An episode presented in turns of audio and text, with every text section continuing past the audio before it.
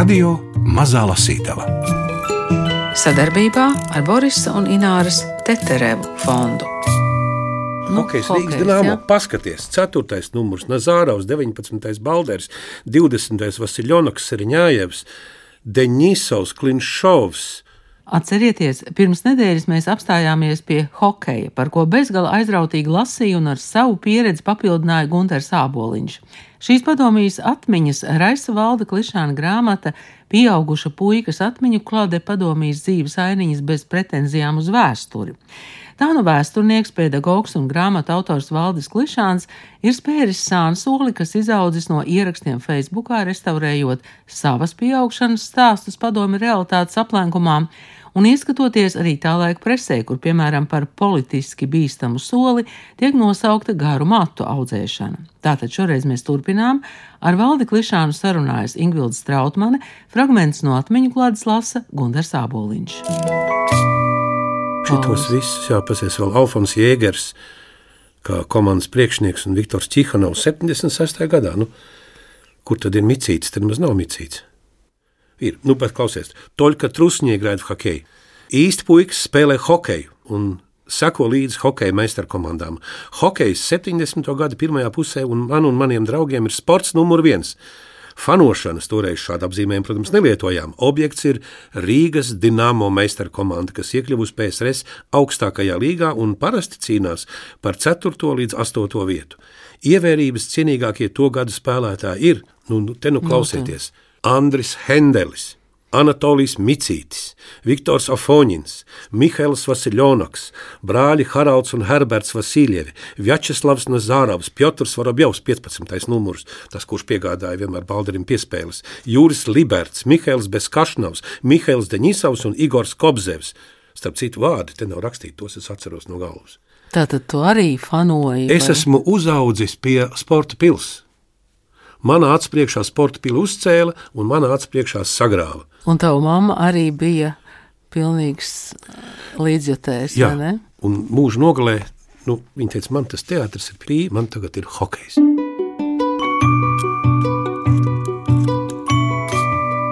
Padomjā anekdotes bija īpašs žanrs, kas, protams, arī lielākajā daļā gadījumu bija politiski bīstami. Šodien varbūt vairs nav smieklīgi vai pat nav saprotami. Valdes klišāns par anekdošu atcerēšanās tehniku. Kur jūs tās anekdotas varējāt atrast? Man šķiet, nu, ka tas ir galvā. Viena daļa, galvā ir, ja? viena daļa ir galvā, protams, bet ne visas. Anekdotas parasti ir tā, ne tikai man, es domāju, ka daudziem cilvēkiem anekdotas attaust atmiņā tad, kad sāk stāstīt, un tad viņas sāk pēkšņi nezinu, no kurienes nākt atmiņā. Viņas jau galvā mums visas ir, bet, protams, par visiem tematiem es nevarēju atrast galvā, galvas savās atmiņu resursos tās anekdotas, un tad jau es drusku arī ieskatījos internetā par tematiem. Un... Un vēl Valdis Klišāns stāsta, ka ir kāda nodaļa grāmatā, pie kuras nav anekdošu, un varbūt arī tādu nemaz nav bijis. Tas ir par tām patiesībām, par kurām vecāki un vecvecāki mūs sargājot, padomījā nerunāja vai runāja pusvārdos, un tikai vēlāk tapa skaidrs, kāpēc tajā dienā nedrīkstēja spēlēt hokeju, jo ir Ziemassvētki, un kāpēc daudz vietā pasaulē svin Latvijas dienu, bet Latvijā 18. novembrī nedrīkst likt svecītas pie čakstas pieminekļa.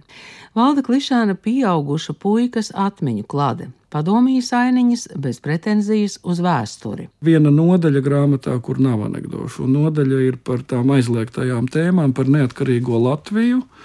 Nodaļa saucās, par ko vecāki baidās runāt. Vecāki un vecvecāki laikam baidās runāt, un, un šis temats bija par Padomju Savienībā aizliegtiem tematiem, kā Latvijas brīvvalsts, Ziemassvētki, Lieldienas, kas bija tabū tēmas, un par to tematu man anekdošu nav, un arī nebija, manuprāt, to laiku tādu anekdošu. Bet eh, kad jūs pats par tām aizliegtajām tēmām uzzinājāt un kādā ceļā? Nu, tur grāmatā tas netika sīki un dikti aprakstīts, bet es tik vēlāk sapratu, cik ļoti mani vecvecāki un vecāki mani un maniem klases biedriem, es domāju, bija tieši tāda pati situācija, cik mūs toreiz sargāja no šīs informācijas. Acīm redzot, tas bija iepriekšējā, pirms Brežņeva laikam, varbūt vēl Staļina laika kaut kādas atblāzmas. Nu, es grāmatā rakstu, tad, kad ir Ziemassvētku laiks, man neteica, ka tie ir Ziemassvētki, bet es redzēju, ka kaut kas notiek. Tas, kas nav parasti, man ir vecvecāki, un, un, un pa mātes līniju man vec, Ome bija ļoti e, ticīga, katoļticīga, praktizējoša katole vienmēr gāja uz baznīcu, reizēm mani ņēma līdzi kā mazu puiku. Man tas gan bija liels pārbaudījums, tās trīs vai cik tur stundas nosēdēt to dievkalpojumu, ak, Dievs. Jūtu, ka kaut kas notiek, un mamma vienmēr teica, šodien nedrīkst iet hokeju spēlēt, šodien nedrīkst iet slēpot. Es saku, kāpēc nedrīkst? Kas ir šo, šodien nedrīkst? Un nesaka, kāpēc.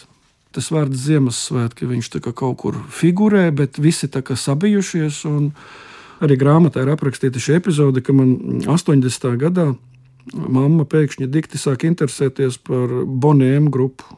Un es nesaprotu, kas notiek. Kāpēc Bonēma, nu kāpēc ne Abba vai ne kāpēc tur ne Slade vai? Un izrādās, ka Bonēma bija izlaidusi Kristmas albumu Ziemassvētku dziesmas, kuras ir tagad mēs dzirdam, skanam joprojām no šī paša albuma. Bet, piemēram, par 18. novembrī es uzzināju tikai no, no draugiem. Tad mamma vienreiz tādu frāzi izmeta: Šodien daudz kur pasaulē svin uh, Latvijas dienu. Un es saku, kāpēc pie mums nesvin, un tad viņa neko neatbildēja. Nu, te ir vēl viens apstākļus. Man tēvs, Arvīts Klišāns, tolaik bija ļoti pazīstams mūziķis valstī. Un, un arī Padomu Savienību un Eiropā starptautisko konkursu uzvarētājs, mežradznieks, klasiskais mūziķis, un viņam bija ārzemju braucieni ar koncertūrēm. Visa tā dokumentu kārtošana, visu radu rakstu pārbaudīšana, un mums ģimenē bija Mana tēva mammas brālis bija Austrālijā, emigrants, un otrs brālis bija leģionā, kritis Lestenē. Es domāju, ka ļoti baidījās, lai kaut kāda šāda informācija nenonāk, kā toreiz teica, orgānos, un, un varbūt tāpēc īpaši piesargājās.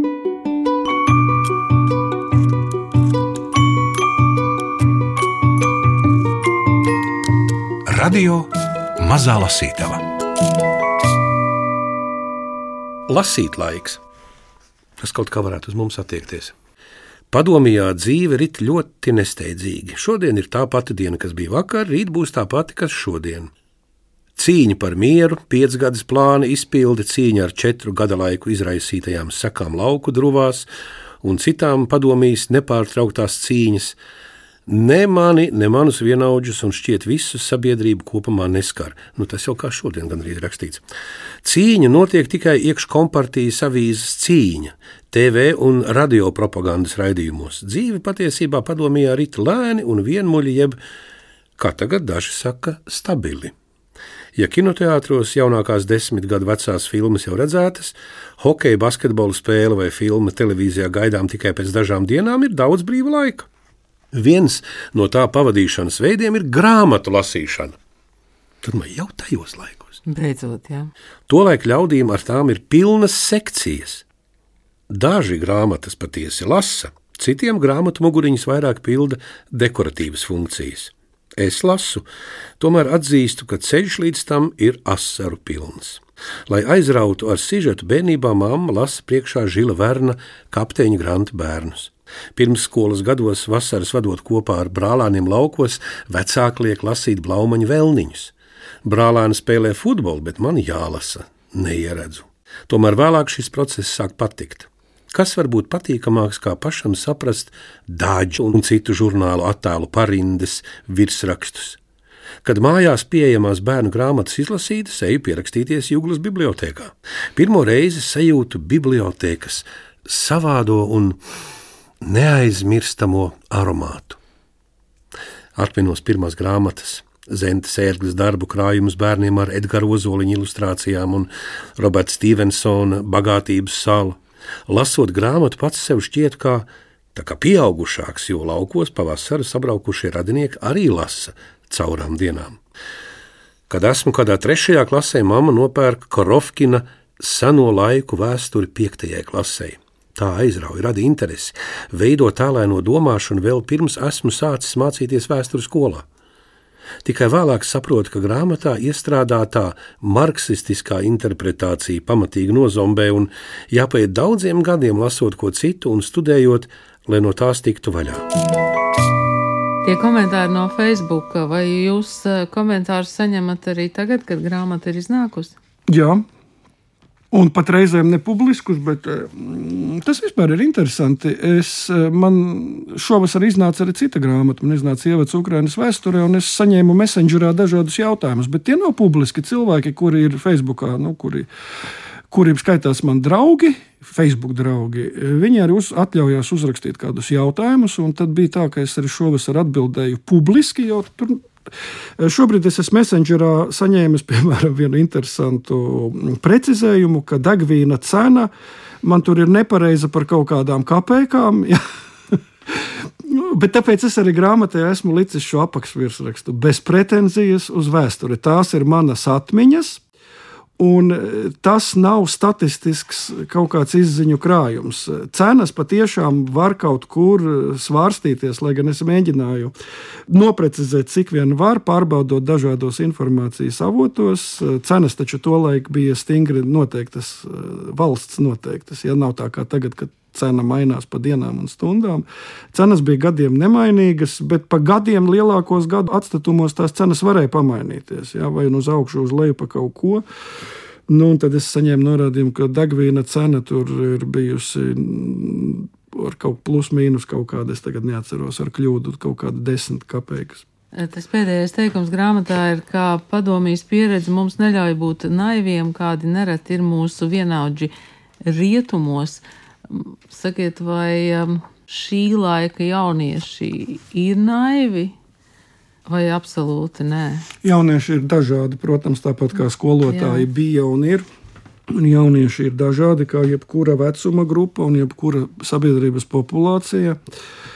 Uh, es teiktu, ka viņi ir mazāk naivi nekā bija mana paudze jo jaunieši dzīvo ļoti daudzveidīgā un iekšēji pretrunīgā informācijā. Tātad jebkuru informāciju jaunieši šobrīd pilnīgi automātiski uh, salīdzina ar citu.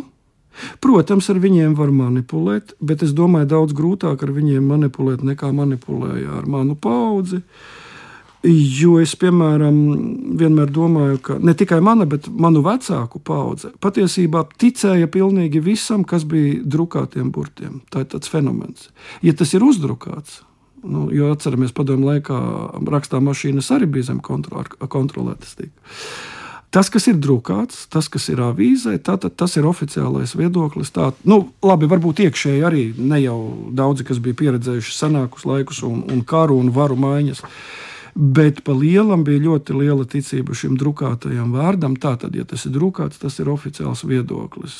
Nu, varbūt manai paudzei tas viss tā, paldies Dievam, jau 80. gados beidzās. Uh, Bet es teiktu, ka tagadējā paudze ir mazāk naiva. Bet eh, es tos ar tiem rietumniekiem, ko, kas tur ir pieminēti, nu, bieži savā profesionālajā karjerā, tiekoties dažādās konferencēs, semināros, ar vienaudžiem kolēģiem no, no, no Francijas, no Zviedrijas, no Norvēģijas pārsteidz patiešām tāds reizēm naivums, jo īpaši attiecībā pret eh, to komunismu visu pasauli. Jā. Tā, tas, ko mums piesaka, ka rietumos ļoti daudzi ir kreisi noskaņoti, un joprojām kaut kur šis komunisma rēks arī tur rietumos klīst, to var tā just diezgan izteikti bieži vien. Un es domāju, ka varbūt, lai cik tas briesmīgi nebūtu, tagadējie notikumi Ukrajinā, traģiskie, varbūt daudziem atver acis. Ja? Arī starp citu par šo Krievijas draudu. Mēs, Baltieši, dažādās konferencēs vienmēr teicām, nu, uzmanamies, nu, paskatāmies, kā, kā viss mainās, kur atkal ir pagriezies Krievijas kuģis, kur viņš iet. Un rietumnieki netic. Nē, nē, mums vajag toleranti, mums jārespektē, un viss šie, un, un, un nu, beigās, diemžēl, mums bija taisnība. Jūs pieminējāt um, citu grāmatu par Ukraiņas vēsturi. Ko tad cilvēki jautāja visvairāk par Ukraiņas vēsturi? Tie bija tādi diezgan precīzi faktoloģiski jautājumi. Tie bija jautājumi gan par Ukraiņas viduslaiku vēsturi, par skandināvu faktoru, par Krimas tatāriem un bija par Ukraiņas atbrīvošanās armiju, UPA attiecībām, Ukrāņu poļu attiecībām, 20 ļoti traģisko lapusi, kas ir Ukrāņu poļu attiecības tā laika Polijas teritorijā. Tādi bija jautājumi pamatā. Jā, es domāju, ka mēs ļoti daudz ko vēl nezinām par Ukrajinu. Mēs esam runājuši par Ukrainas literatūru, ka mēs nezinām ļoti daudz ko. Kā jūs to varat um, skaidrot, ka tā bija apzināta um, Ukrainas rusifikācija un arī mūsu smadzenēs, nu tāda, ka mēs to nezinājām?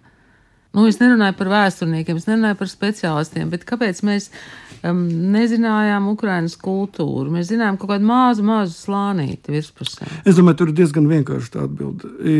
Atliek vien, un tas varbūt atkal ir atgriešanās pie manas atmiņu klādes. Jā. Atliek vien ieskatīties padomju laika mācību grāmatās, kas tika saprasts ar, ar nosaukumu PSRS vēsture. Tā bija Maskavas valsts vēsture. PSRS vēsture ir Maskavas impērijas vēsture. No vissenākajiem laikiem līdz mūsdienām. Un līdz ar to bija tas fantastiskais rops, ka pat labi mēs nezinājām Ukraiņas vēsturi, bet es uzdošu vienkāršāku jautājumu. A, cik latvieši zina Igaunijas vai Lietuvas vēsturi? Tāpēc mēs jau 90. gados rakstījām šīs kopīgās grāmatas, jo padomju laika paudze, labi, ko zināja vēsturē padomju laika paudze? Zināja Maskavas, Krievijas impērijas vēsturi, zināja klasisko rietumu vēsturi, Francija, Vācija, Lielbritānija. Starp citu, tur arī nebija ne Polijas, ne Čehijas, ne Skandināvijas. Šī praktiski segmenta nebija vēstures zināšanās. Tātad Lielbritānija, Francija, Vācija, nu, varbūt Itālija par tik par cik, nu, Roma un, un fašisms, un Krievija. Un tad drusku, nu, tad izējot no tā, cik, cik bija cilvēks nacionāli un ieinteresēti noskaņots vēsturē, tad Latvijas vēsture. Kas mums ir kaimiņos? Kas ir, kas ir Lietuvas lielkunigaitie? Kas ir Igaunija, kādi ir Igaunijas kultūras darbinieki, kas ir lietuviešu nacionālā atmoda, kas ir grāmatnesēji. Par to vispār nekāda priekšstata nebija. Tāpēc nav jābrīnās, ka nebija ne Ukrainas vēstures priekšstatu, ne Grūzijas vēstures, ne par Centrālā Aziju vispār nerunāsim. Un visbeidzot, šāds komentārs no Facebook dzīvēm. No 1989. gada līdz aptuveni 95. gadam mūsu mājās Latvijas rādio skanēja non-stopā. Reizēm vecāki vienlaikus klausījās divas radiostacijas - Latvijas Rādio 1 un Brīvo Eiropu, paralēli skatoties TV panorāmu un pēc tam labvakara.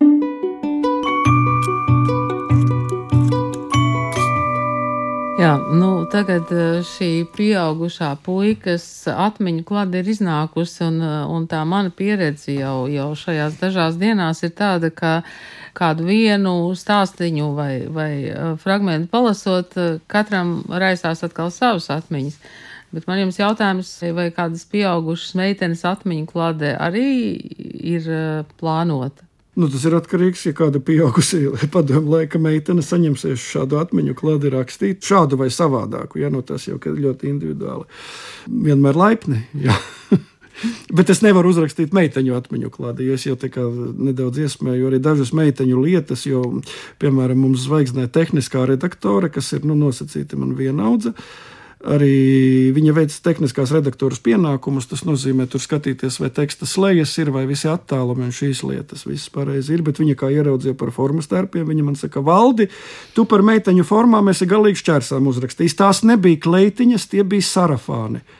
Man tas vārds sarafāns vispār ne ar ko neasociējās, jo tad, kad bija tās formas tērpi, man meitenes pilnīgi neinteresēja. Man neinteresēja viņu formas, man interesēja hokejs, indiāņi un kaut kādas tādas lietas. Meiteņu intereses par meitenēm ir vēlāks vecuma posms.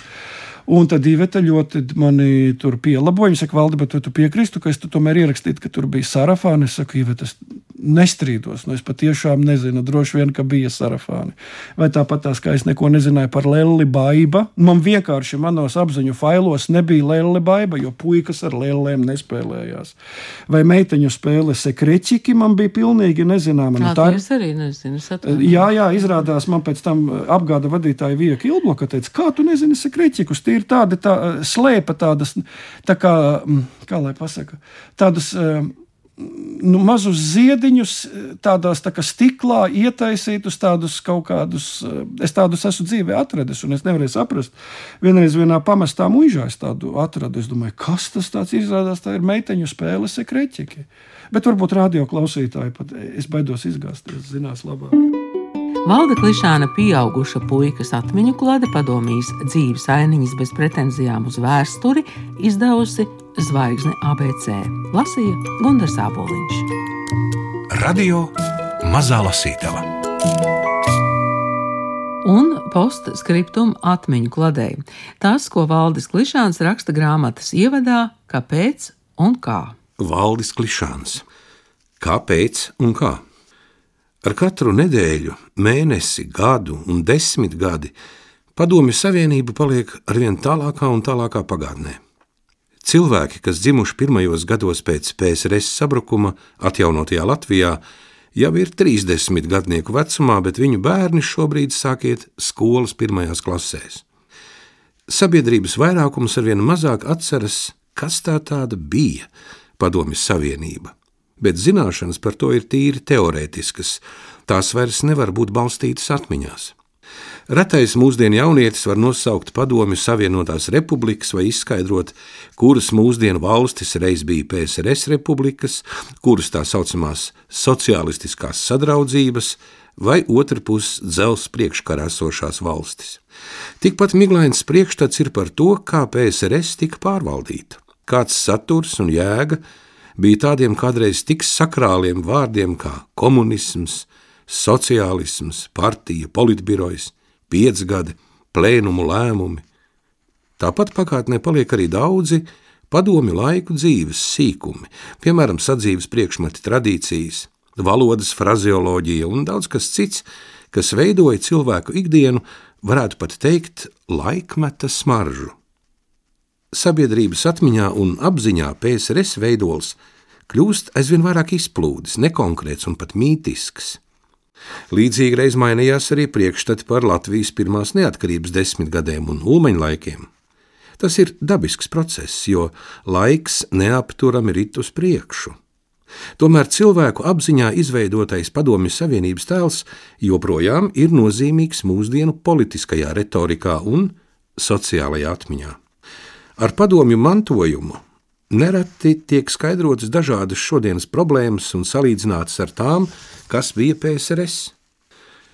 Vienai sabiedrības daļai Padomju Savienība kļuva par absolūtu ļaunumu simbolu, citai par stabilitātes, sociālās vienlīdzības un vēsturiskā lepnuma iemiesojumu. Attieksme pret padomi mantojumu ir viens no Latvijas sabiedrību šķeļošiem faktoriem, un šī pretrunu līnija nav tikai etniska. Pēc profesijas esmu vēsturnieks, tāpēc pagātnes tēlu aktivizācija manā apziņā droši vien notiek biežāk nekā citu profesiju cilvēkiem. Domājot par es, dažādās desmitgadēs, esmu centies izsekot uzskatu mainībai un faktoriem, kas noteikuši manu pasaules redzējumu un vērtības. Pirms dažiem gadiem Facebook sāku publicēt nelielus stāstīņus par dažādām padomi laiku sadzīves detaļām.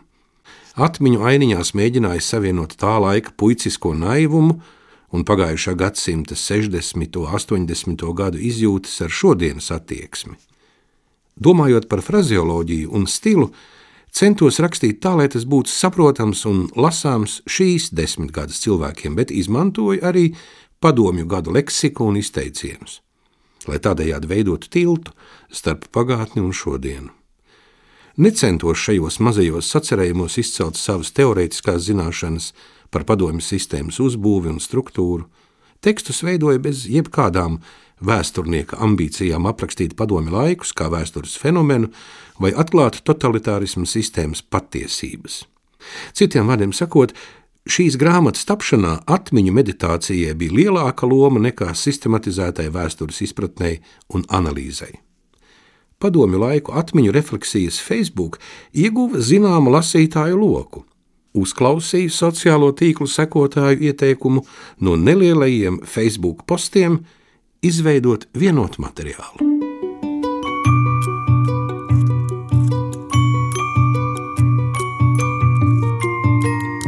Radio Mazā Lasītava. Sadarbībā ar Borisa un Ināras Teterevu fondu.